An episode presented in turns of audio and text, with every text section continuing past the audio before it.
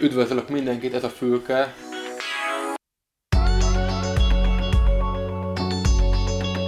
Tóth Rihárd vagyok a HVG újságírója, a vendégem pedig Pulai András, a Publikus ügyvezető igazgatója. András, köszönöm, hogy itt vagy velünk. Köszönöm a meghívást. Pénteken délelőtt beszélgetünk, szombaton kerül adásba a műsor, a témánk pedig az EU-s csúcs és a költségvetési tárgyalások, de nem csak egy szimpla költségvetési tárgyalás volt az, ez, hanem a koronavírus járvány okozta gazdasági helyreállítási vagy újra beindítási csomag. Azt próbáljuk meg kideríteni itt közösen, én többnyire csak kérdezek, András fog válaszolni, hogy, hogy ki győzött, győzött egyáltalán valaki, és mennyire van igazuk azoknak, akiknek, akik azt mondják, hogy itt világra szóló győzelmet aratott Orbán Viktor, és amikor készültem erre a beszélgetésre, akkor valahogy az eszembe ötlött életem első, és itt anekdotázni fogok, életem első politikai élménye. Ez a 2002-es választások után kezdett elterjedni egy olyan vicc, és nem mernék rá megesküdni, hogy nem emiatt kezdtem el intenzívebben érdeklődni a közélet iránt. Ugye a Fidesz elvesztette négy év kormányzás után a választásokat, és terjedt az a poén, hogy Áder János a választások éjszakáján benyit Orbán Viktorhoz, és mutatja az ismert kézjelet, ugye a, a V betűt formál a kezével, hogy győztünk Viktor.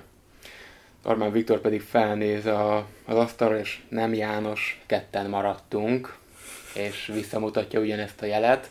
Uh, eltelt 20 év közel, 2020 uh, nyarán vagyunk, ha most Áder János megkérdezni Orbán Viktort, hogy győztünk-e, akkor mit válaszolna Orbán? Hát eh, Orbán viszont Orbán azt hogy ketten maradtunk, magyarok és lengyelek, eh, de a, a tréfát feltéve, igen, Orbán Viktor az válaszolná, hogy győztünk. Mint hogy egyébként a kürtöli szét ő maga és a, a politikusai, illetve a médiája szerte szét a világban, illetve az országban. E, nyilván mellé kell tenni ilyenkor az ellenzéki politikusoknak, akik meg azt mondják, hogy totális vereség, de hát szerintem a kép az árnyaltabb. És az igazság az valahol a kettő között van. Hogyha számszerűsíteni kellene, akkor, akkor szerintem Orbán valahol ilyen, ilyen 60 és 70 százalék között vesztett, és 30 és 40 százalék között nyert. Kezdeném azzal, hogy szerintem miért vesztett. Nagyon precízen egy parlamenti politikai határozatban megfogalmazta, hogy mit vár el saját magától ebben a, ebben a történetben. És az ott megfogalmazott pontok lényegében egyike sem teljesült, van, ami egyáltalán nem. Mondjuk például a, a, az úgynevezett, úgynevezett álcivilek nem kaphatnak pénzt kritérium, az, az, az annyira nem teljesült, hogy még csak nincs, nem is volt arról szó az egész európai beszélgetés azokban, már legalábbis ami kiszivárgott ebből, amit elmondhat nekünk ebből. És menjünk a, a nem mondjam, közögi fontosságától a másik végéig ugorjunk, az pedig ugye a jogállamiság kritérium, ami azt mondja, hogy az elképzelhetetlen, hogy egy olyat aláírna, vagy hát hogy olyan rábólintana, amiben az benne van, és hát úgy tűnik, hogy ez azért eléggé egyértelműen benne van. A, ugye a dokumentum Rule of Law fordulatot használja a 22-es pontban, a, a, a conditionality, tehát a feltételez kötöttséget egyértelműen használja a, a dokumentum. Tehát határozottan nem lehet azt mondani, hogy ez nincsen benne, és én azt gondolom, hogy valójában ez a, ez a legnagyobb veressége Orbán Viktornak. Mert most készült egy olyan EU-s dokumentum, amit az összes EU-s vezető elfogadott, és megteremti a politikai keretrendszerét annak, hogy hogyan lehet a jogállamiság kritériumot, a demokrácia kritériumot bevezetni az Európai Unióban. Nyilván a részletek kidolgozása az még hátra van, az, hogy ez mennyire lesz komoly, az még hátra van, de ezzel nagyjából azt mondták az unió vezetői, hogy most még nem tudjuk deresre húzni Orbán Viktort, de igény az volna rá, és hogyha úgy alakul, akkor ez be is fog következni. Ugye azért nehéz győzelemről és vereségről beszélgetni ebben az esetben, hiszen az EU vezetőinek, állam és kormányfőinek konszenzusos döntést kell hoznia egy-egy ilyen esetben. Szóval, hogy a gyalogalapban megyek, ha egyezünk egy döntetlenben, lehet, hogy, lehet, hogy Orbán Viktor önmaga is tudta, hogy hiába egyébként a, a, a teljesen szokatlan és a parlamenti demokráciában nem hagyományos országgyűlési határozat, amivel ugye felfegyverezték Orbán Viktort, de, de ő is tudta, hogy, hogy itt bizony neki is a, mint az EU kisebb tagállamainak vezet, egyik vezetője, kompromisszumokat kell, kell hoznia, és áldozatokat kell hoznia. Hát biztos vagyok benne, hogy tudta, hiszen az EU-nak a mechanizmusa, meg a lényege az az, hogy mindig mindenki győzik, és minden, mindenki győzik, elmként éri meg, és üzemként próbálja adni, de mindig mindenkinek kell érdemi kompromisszumokat is hoznia. De hát azért szerintem ebben az esetben többről van szó, de az, azért fontos hozítani, hogy azért Orbán ezzel ilyen, ilyen műanyakarddal ment csatába ezzel a parlamenti határozattal, tehát azért nem lehetett azt gondolni, hogy ez emiatt nem tudom, meg fognak ijedni az Európai Uniós vezetők, és azt mondják, hogy Atya Úristen, akkor nem foglalkozunk a jogállamiság kérdéssel foglalkozni. Tehát, hogy kicsikét szerintem ez egy nevetséges húzás volt, de hát nyilván, hogy mondjam, úgy tűnik, hogy a belső távszínez miatt erre, erre szüksége volt. De nem gondolom azt, hogy, hogy azért azt gondolta volna, hogy ilyen egyértelműen keresztül fog menni ez a kérdés. Ráadásul ugye egy utána hír, hogy az Európai Parlament azt mondja, hogy ő ezt még nem is fogja feltétlenül támogatni ebben a formában, mert túl puhán akarják. És az Európai Parlament többsége jelen pillanatban ezt elfogadta egy szintén politikai határozat formájában, de azért ez egy fokkal keményebb, mert ez egy egyértelmű jelzés arra, hogyha ez a sztori hozzáig fog kerülni, már pedig a ügymenet okán ez hozzájuk fog kerülni, akkor ők elvárják a tanástól, hogy itt egy sokkal keményebb szöveget fogalmazzon meg, vagy legalábbis a most megfogalmazott szöveg belefektetteket, lefektetteket, nem tudom kimondani, de mindegy. Szerencsére. Rögzítetteket. Igen, köszönöm. Azokat, azokat érvényesítse, határozottan és keményen érvényesítse. Ráadásul az LP azt is belengedte, hogy ők akár addig is elmennének, hogy, hogy vétóznának. Így van, potenciálisan addig is elmennek, hogy mit tudnak. Én szerintem nyilván addig nem fognak elmenni, mert azt gondolom, hogy az előtte lévő folyamatokban ki fog alakulni egy olyan szöveg, illetve ilyen, ilyen jogi keretrendszer, ami alapján nem kell elmenniük, de hogyha valamiért a felek befeszülnek, akkor, akkor, nem, akkor, akkor potenciálisan persze elmehetnek. De ugye egy fontos dolgot szintén érdemes rögzíteni ezzel kapcsolatban, az pedig az az, hogy hogy ugye benne van a most elfogadott szövegben, és ugye ez egyhangulag elfogadott szöveg, hogy ezen a kritérium érvényesítésére qualified majority, azaz egy minősített többség van szükség, tehát ezt két ország, mondjuk, mondjuk azt, hogy Magyarország és Lengyelország, ugye, hogy már ketten maradtunk, akkor, akkor nem fogja tudni megakadályozni.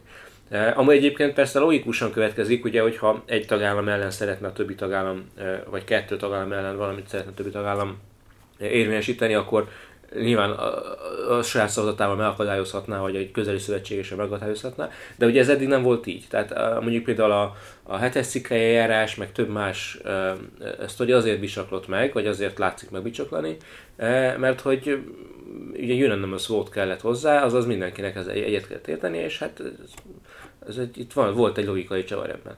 De azért fontos látni, hogy, a, hogy az, az EU az mindig is így működött, hogyha előállt valamiféle helyzet, akkor előbb vagy utóbb az EU-nak arra volt egy érdemi reakciója, sok esetben sajnos utóbb, mint előbb, és szerintem ebben az esetben is erről beszélhetünk, tehát ez már az négy éve is meg lehetett volna hozni ezeket a döntéseket, és az előző pénzügyi ciklusban is pontosan lehetett látni, hogy, hogy mire játszik Orbán Viktor. És hogy, hogy ezek a problémák, hogyha nem is ilyen mélységben, de irányát tekintve azért jelen voltak Magyarországon, és akkor is látszott, hogy ezt nem lehet majd megállítani határokon, és ez tovább fog terjedni más uniós országban, hogy ez egyébként be is következett. Szóval ilyen szempontból szerintem lehettek volna bölcsebbek az EU-s és az a akkor korábban is meghozhatták volna, de azért az látszik, hogy a nap végén mégis meghozzák ezeket a döntéseket, még hogyha egy ilyen relatív gyenge szövegben is, de én azért úgy értelmezem, hogy a, hogy a jogállamiság barátai, azok, azok kinyitották a, a, a jogállamiság problémának a érvényesítőségének az ajtaját, és oda tették a lábukat, amit most már nem lehet betenni, nem lehet becsapni többet, és az a kérdés, hogy milyen gyorsan és mennyire fogják kinyitni ezt az ajtót. De hogyha beszélgetünk a jogállamiságról, ami tényleg a rule of law azt nagyjából egy ilyen, egy ilyen jó fordítása ennek, ez egy, ez egy nagyon tág fogalom, és, és akár Orbán Viktor is úgy csűrheti, csavarja, hogy akarja, Angela Merkel szintén, Ursula von der Leyen szintén, nem okoz majd ez később problémát, hogy, hogy ez egy ilyen megfoghatatlan és kvázi megfogalmazhatatlan dolog, hogy, hogy mit jelent az, hogy valaki a jogállamiság barátja és, és, és, és ellensége? E, van, ez egy nagyon nehezen megfogható fogalom, de azért vannak már ennek előképei az Európai Unióban. Van egy 2006-os, 2008-as bizottsági dokumentum, ahol ezt relatív részletesen tárgyalja az Unió. Ez egyébként ez előképpen most elfogadott dokumentum, és az Európai Parlament részben erre hivatkozik, hogy legalább azt be kellett volna venni a mostani dokumentumba. És, és ott nagyjából arról beszélnek, hogy az összes országot vizsgálják, és évente kijönnek egy jelentéssel, és a vizsgálatnak a kritériumai azok, azok egységesek lesznek az összes országra, összes Európai Uniós országra, meg a potenciális tagországokra is fognak vonatkozni. Egyébként a tagországokra, ugye a, a, a, tagjelölt országokra, a, ugye paradox módon a tagjelölt országokra eddig is vonatkoztak, tehát Magyarország csak úgy lépett be az Unióba, hogy ezeket a kritériumokat teljesítette, csak aztán ugye volt némi naivság az Európai Unióban még, amikor elkezdődött, és csak nyugat-európai országok voltak benne, hogy ezeket a szabályokat, hogyha egyszer beépnünk, mindenki betartja. És nem voltak arra felkészülve, hogy vannak ilyen lator államok, eh, akik eh, akik szembe mennek a klubnak az értékeivel, eh, és hát, hogy mondjam, nem, hogy, nem, nem, hogy oda pisilnek hátra a kertbe, hanem fölállnak az asztalra, és, és ott folytatják azt a nem szép tevékenységet. És hát akkor erre kell kitalálni ezt a, ezt a bizonyos mechanizmust, és tehát akkor potenciálisan ez a jogállamiság mechanizmus, aminek a részletét még pontosan nem tudjuk, de már van ennek egy előképe, az minden országra alkalmazva lesz, majd hogyha ott csenget a vészcsengő, és azt mondják, hogy hopp, ott valami gond van, akkor elkezdődik egy beszélgetés az EU különböző szerve, illetve a kormányok között. Ennek is már valamennyire le vannak fektetve az alapjai, de a drága podcast hallgatókat nem mutatnám ezzel, mert szerintem elvesznénk, hogy milyen triológus, meg milyen kormányzati oda-vissza levelezés, meg, meg egyéb van. De a lényeg a lényeg, hogyha valamilyen küszöböt elér ez a probléma, és nyilván azt is meg kell határozni, hogy mi ez a küszöb, még nincs meghatározva, akkor érvényesíteni lehet azt, hogy bizonyos pénzeket ez is még meghatározva, hogy mennyit és hogyan és miként és mennyi ideig, az Európai Unió visszatarthat. Nyilvánvalóan itt valami olyasmit fognak kitalálni, hogy amilyen pénzeknek a felhasználása sérül, vagy amelyik ponton sérül a demokrácia, ott az ahhoz kapcsolódó pénzeket vagy forrásokat fogják visszatartani. De nyilvánvalóan ez nem egy egyszerű és nem egy, egy triviális megfejtés.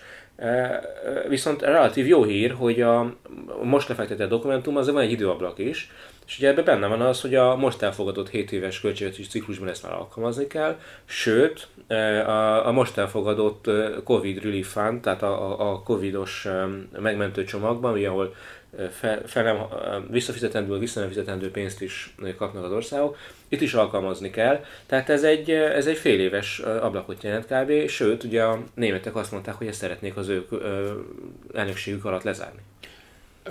Mindezek után, hogy, hogy azért megegyezhetünk abban, hogy nem annyira egyszerű a kép, amit hogy Orbán Viktor lefesti, hogy, hogy hatalmas győzelmet arattunk, miért van szükség arra, hogy a, hogy a kormányzati sajtó ezt nagyobb győzelemként tálalja, mint amit a szovjetek 86-ban Irapuátóban arattak.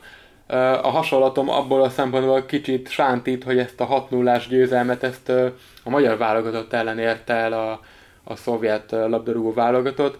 Igaz, talán az volt a takarózás, hogy nagyon nagy magasban játszottak, és tésztát is ettek előtte a fiúk. Szóval miért van, miért van arra szükség, hogy, hogy ezt ennyire leegyszerűsítve és, és ennyire magasztosan tálalják mégis. Hát ugye hogy úgy tetszik, akkor most is egy válogatott szenvedett vereséget a magyar kormány válogatott az európai válogatottal szemben, tehát is annyira nem itt a hasonlat, mondjuk nem 6 0 hanem mondjuk a 6-2-re kb. De azért ez nem egy szép eredmény, bárhogy is nézzük. Hát azért van rá szerintem elsősorban szükség, mert hát ugye minden politikus az Európai Unióban, így hát a magyar politikusok is elsősorban haza, hazapolitizálnak, hiszen itthon választják meg őket. És ugye nagyon régen, nagyon régóta vív Orbán Viktor ezt az úgynevezett szabadságharcát mindenki ellen, többek között az Európai Unió ellen is, és azért nem lehet, hogy a, az ő elkötelezett választói szemében ez a kép e, megbicsaklik. Ráadásul azért érdemes az egészet egy nagy politikai kontextusba is behelyezni. Hogyha megnézzük a pártok támogatottságának az adatait, nekünk van erről egy két héttel ezelőtt adatunk, de nyilván minden hónapban már évek óta mérjük, Ott azt látjuk, hogyha a biztos szavazó pártválasztók körében megkérdezzük a választókat, hogy a Fideszre hányan szavaznak, akkor 51-2 százalék jön ki, és a, az ellenzéki pártokra, ami alatt én a 2019. októberében országgyűlési önkormányzati választásokon összefogott ellenzéki pártokat értem, arra 45-46 százalék szavaznak körülbelül, tehát itt van egy ilyen 5-6 pontos különbség az ellenzéki, a kormánypárt oldalára. Teszem hozzá, ez a Covid előtt bőven kiegyenlített volt, sőt, egy-két ponttal az ellenzék vezetett. A Covid után a Fidesz számára kedvező irányba fordult ez a helyzet.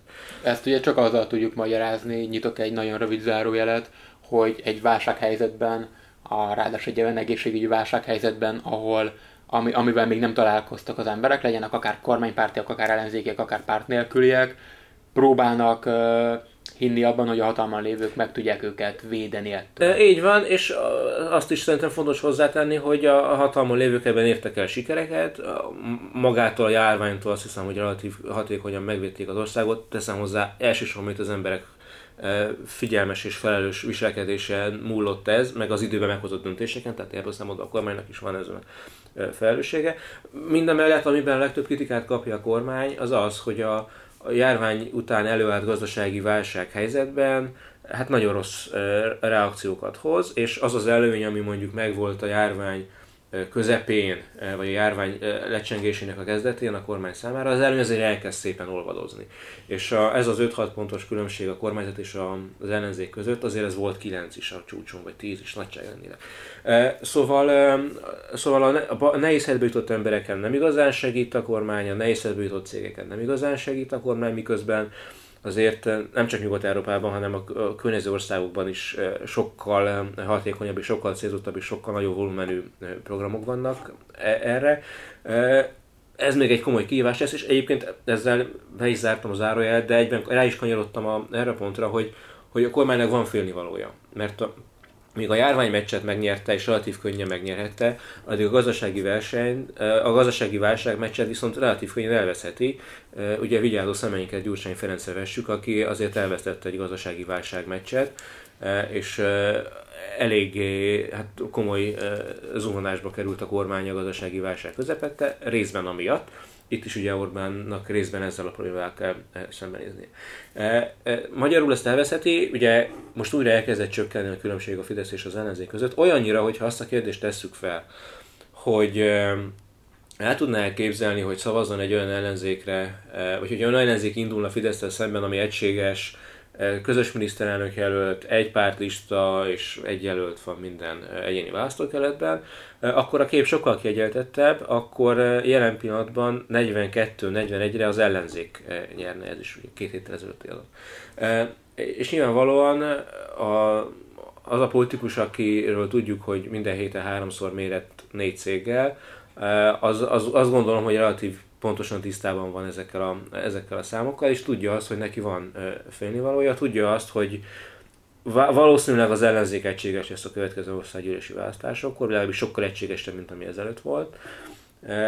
Ennek okán a kétharmados mandátum többség az nem tűnik fenntarthatónak, sőt potenciálisan benne van a lehetőség annak is, hogy akár a többséget is elveszti. Ugye a kérdés az, hogy ebben az esetben mennyien maradnak otthon, és mennyire fog arra játszani a Fidesz, hogy minél többen tegyék azt meg, hogy, hogy nem mennek el szavazni, ha már, ha már a saját nem tudom megegyezni abban, hogy három milliós táborában nem tartozik bele valaki, akkor legalább az ellenzékre ne szavazzon. Uh, ugye, ugye nagyon nehéz dolga a Fidesznek ebben a helyzetben, mert azért nem igazán tudhatni az ellenzéki szavazókra. Azt, azt azért látjuk, hogy uh, nyilván a Covid ebben kivétel, de hogy minden más ügyben, amikor ők úthengert indítottak, akkor az nem igazán tarolta el az ellenzéki szavazókat.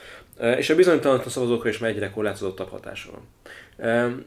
Úgyhogy ez sem azt erősíti, hogy, hogy ők nagy mondjam, önbizalommal vághatnak neki a 22-nek. Teszem az ez, ez messze nem egy lefutott meccs, tehát rettentő sok kérdést kell megválaszolni nekik is, meg az ellenzéknek is, hogy, hogy a mostani nyitottság az fennmaradjon, és ez egy érdemi nyitottság legyen 22-re.